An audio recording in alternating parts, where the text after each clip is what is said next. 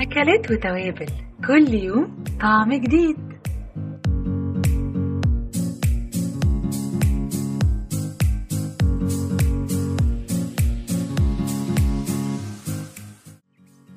أهلا بيكم مستمعي بودكاست المصري اليوم وحلقة جديدة من برنامج أكلات وتوابل. معاكم آلاء سعد.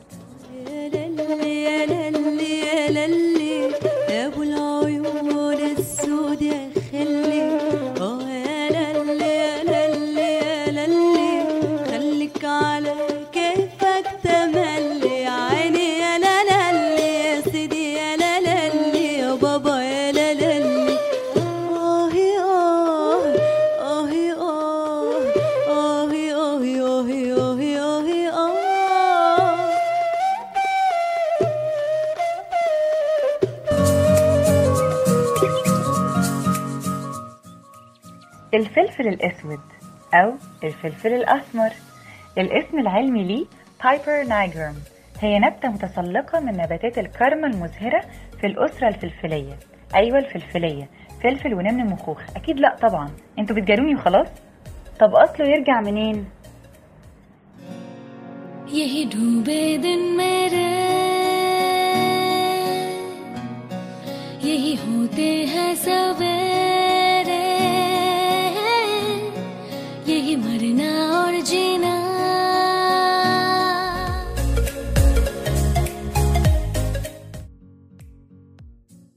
جنوب الهند. جنوب الهند هي المصدر الطبيعي للفلفل الأسود. بعد ما بتتجفف بنستخدمها كتابل من التوابل وموجودة في أماكن تانية في المناطق الاستوائية زي فيتنام وهي دلوقتي أكبر منتج ومصدر للفلفل الأسمر في العالم كله. وبتنتج 34% من محاصيل العالم من Piper nigrum من سنة 2008 وكانوا بيستخدموا مسحوق الفلفل المجفف من أيام العصور القديمة عشان نكهته المميزة والطلب الكتير عليه. الفلفل الأسود هو أكتر التوابل المعروفة في العالم كله وهو طبعا جزء لا يتجزأ من المطبخ الأوروبي ومش محتاجة أقول المطبخ المصري كمان. ودايما تحسوا كده إن هو الملح توأم ملتصق. يعني تسمع الشيف وهو بيقول لك ملح وفلفل أو هل حطيت عليه فلفل وملح؟ وماما تقول لك هات الملاحة. الملاحة معناها اللي هي الملاحة اللي فيها ملح والتانية اللي فيها فلفل بس جيبهم الاتنين مع بعض. ولو جبت واحدة التانية تزعل وتحس دايما إن الأكل ناقصه حاجة كده. أيوه هو الفلفل الاسود انت نسيته قوم جيبه جري جري. إن شاء الله عبال ما ترجع يكونوا خلصوا الأكل كله كله.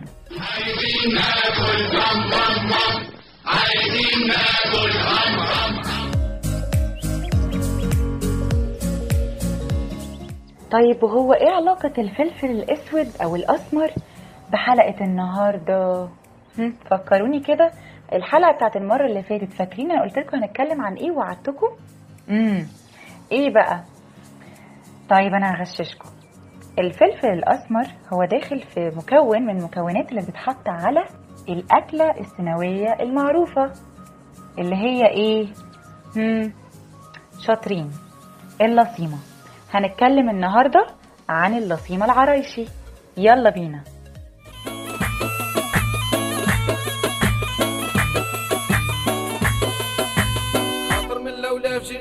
يساند في روحه ويطيح. خاطر من لولا في جريح يساند في روحه ويطيح. الخاطر من لولا في جريح يساند في روحه ويطيح. الخاطر من لولا في جريح يساند في روحه ويطيح. خاطر من لولا في جريح يساند في روحه ويطيح. الخاطر من لولا في جريح يساند في روحه ويطيح. طيب عشان تعمل اللصيمة أنا محتاجة منك تقوم جاري تجيب دقيق وطماطم وبصل وطحينة وفلفل شطة. فلفل الشطة ده ممكن يكون أحمر أو أخضر المهم يكون حراق. طيب وملح وزيت زيتون وليمون وبتنجان. نعيد تاني. دقيق طماطم بصل طحينة فلفل حراق ملح زيت زيتون ليمون بتنجان. ولو انت عرايشي مش محتاج أصلا تسمع الحلقة دي كلها عشان انت أكيد متعود تعمل اللصيمة. ولو عندك عجر يا سلام أكيد هيكون عندك عجر. إيه هو العجر؟ هو بطيخ صغير كده عامل من جوه زي البتنجان بس هو أساسا مش فاكهة. مش فاكهه خالص. آه بتحطه كده على النار على العين بتاعه البوتاجاز أو في الفرن. المهم هو إيه بيستوي كده زي البتنجان وبتقشر على اللصيمة. وهو موجود في سينا بس. طيب كده كل المكونات عندك قدامك؟ مفيش حاجة ناقصة؟ امم اتأكد. متأكد؟ يلا بينا نبدأ. أول حاجة محتاجينها نعجن الدقيق. هنعجنه بإيه؟ بزيت زيتون وملح. عشان تتظبط كده تبقى اللبة أو القرصة أو الجرصة بالعرايشي اللي هي العجينة نفسها لما تستوي. okay بنقول عليها بالعرايشي لبة أو جرصة اللي هي القرصة يعني. okay تبقى مظبوطة. فأنا عايزاك تحط زيت زيتون على قد ما تقدر إن هي لا تبقى سايحة قوي ولا جامدة قوي. وهنحط طبعا ملح عشان نحس إن طعمها طعمها كده إيه جميل ومظبوط. الملح بتاعها مظبوط. وهنقوم فردينها على صينية كده ونقوم حاطينها في الفرن. طبعا ما تنساش تحط نقطة زيت على الصينية علشان إيه؟ العجينة نفسها ما تلزقش في الصينية. هنحطها في الفرن من تحت وبعد كده إيه؟ يا إما نقلبها يا إما نسويها في آه آه تحت الشواية. طيب هنتأكد منين إن هي استوت؟ هتحط كده بشوكة أو بسكينة في النص كده في قلبها آه حاسب لا تجرحها. أيوه هتحس كده إن هي إيه؟ هل لسه من جوه ما استوتش هل لسه طرية عجينة ولا لا؟ انت هتحسها. لما تطلع طرف السكينة أو طرف الشوكة كده لفوق هتحس لو هي سايحة كده يبقى لا لسه العجينة ما استوتش. لو هي لا تمام. مفيش حاجة في الشوكة أو السكينة يبقى هي كده استوت. فتطلعها طيب هقوم مقطعاها قطع قطع صغننة كده وهقوم إيه حطها على جنب.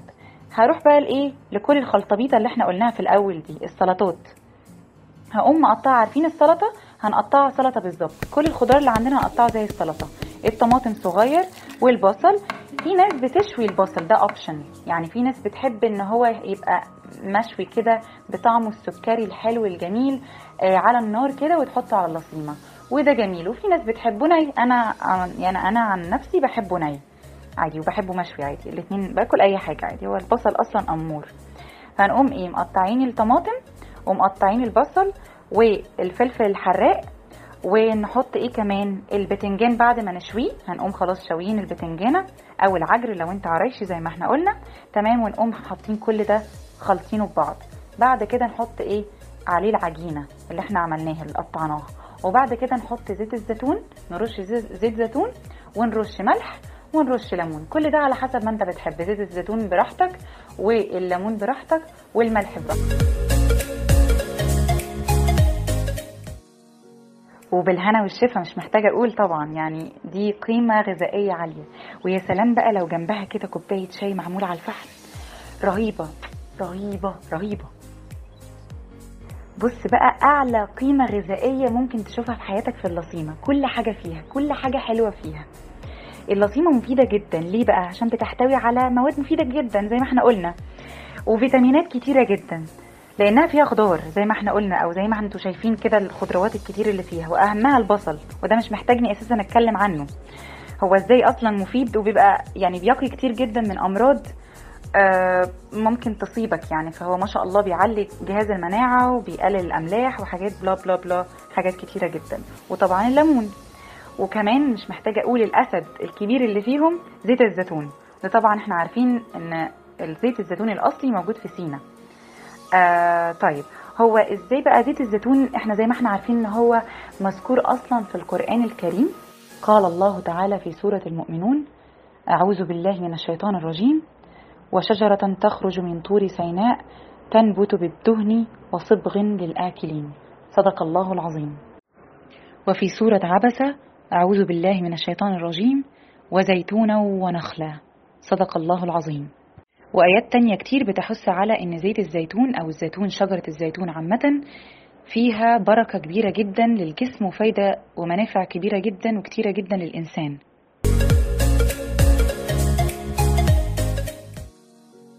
فأنت ما شاء الله لو بتاكل لصيمة أو مواظب عليها هتلاقي قيمة غذائية عالية وما شاء الله حاجة قادرة تعلي لك المناعة بشكل ملحوظ جدا هتضرب في السماء ما شاء الله يعني. وأقول لكم على حاجة تضحككم أول ما بدأت الكورونا أحمد موسى طلع وقال المحافظة الوحيدة اللي ما جالهاش كورونا هي محافظة شمال سيناء عندهم اللصيمة دي بتعلي المناعة. دي حاجة روعة جدا رهيبة جميلة. الحمد لله دلوقتي أعلى محافظات مصر في الكورونا هي شمال سيناء شكرا جدا. وبكده خلصنا كلام عن الأكل العرايشي السنوية الجميلة الأمورة الحلوة اللي كلها قيمة غذائية وبتعلي المناعة. وبتعلي الدماغ وبتعمل حاجات كتير قوي حلوة وكمان تشرب جنبها كده كوباية شاي على الفحم يا ريت تبقى على الفحم. يعني هتظبط الدماغ وتعدل الأداء وتبقى حلوة جدا. أشوفكم في حلقة جديدة إن شاء الله من أكلات وتوابل. كانت معكم آلاء سعد. تصبحوا على خير. مع السلامة.